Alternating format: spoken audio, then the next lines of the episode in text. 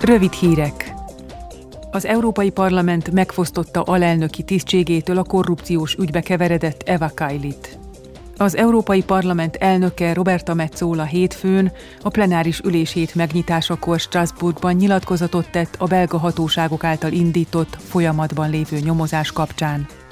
Beszédében elmondta, The enemies of democracy for whom a demokrácia ellenségei, akiknek e ház puszta léte is fenyegetés, mindenre képesek. Ezek az autokrata berendezkedésű harmadik országokkal együttműködő, ártó szándékú személyek, a jelek szerint nem átallottak civil szervezeteket, szakszervezeteket, magánszemélyeket, európai parlamenti asszisztenseket és képviselőket bevetni ellenünk, hogy az Európai Parlament működését ellehetetlenítsék. Galát terveik azonban meghiúsultak. A többi uniós intézménnyel együtt továbbra is mindaddig segítjük a nyomozást, ameddig csak szükséges. Nem szabad, hogy a korrupció kifizetődő legyen. A magunk részéről mindent megtettünk annak érdekében, hogy ezekből a tervekből ne legyen semmi. And we have played our part in ensuring these plans could not materialize. A képviselők tegnap a katari korrupciós ügyek kapcsán arról folytattak vitát, hogy nagyobb átláthatóságra és elszámoltathatóságra lenne szükség az európai intézményekben.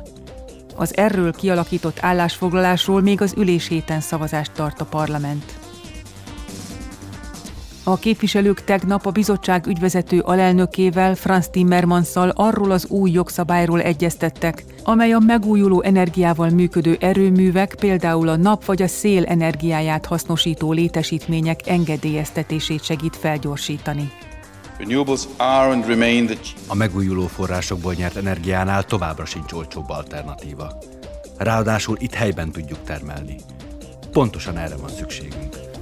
Ha azt szeretnénk, hogy a megújulók térnyerése felgyorsuljon, drasztikusan le kell egyszerűsítenünk a projektek engedélyeztetésének adminisztratív eljárásait. A tagországokkal egyszerre kell cselekednünk.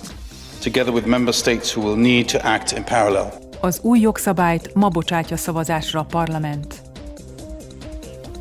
A képviselők tegnap fogadták a szlovén miniszterelnököt, hogy meghallgassák az Európai Unió jövőjével kapcsolatos nézeteit. Robert Golob felszólalásában az energiaválságra is kitért. The green transition. Az ökológiai fordulat azon túlmenően, hogy az egyetlen járható út, az egyetlen olyan megoldás, amely egyszerre három problémát is kezel. Segít önellátóvá tenni Európát, hogy ne függjön az energiaimporttól. Az energiafüggetlenséghez nem vezet más út. Ténylegesen mérsékli az éghajlatváltozást, és végső soron az energiaárakat is lenyomja. And it also, at the end of the day, it also brings lower energy prices.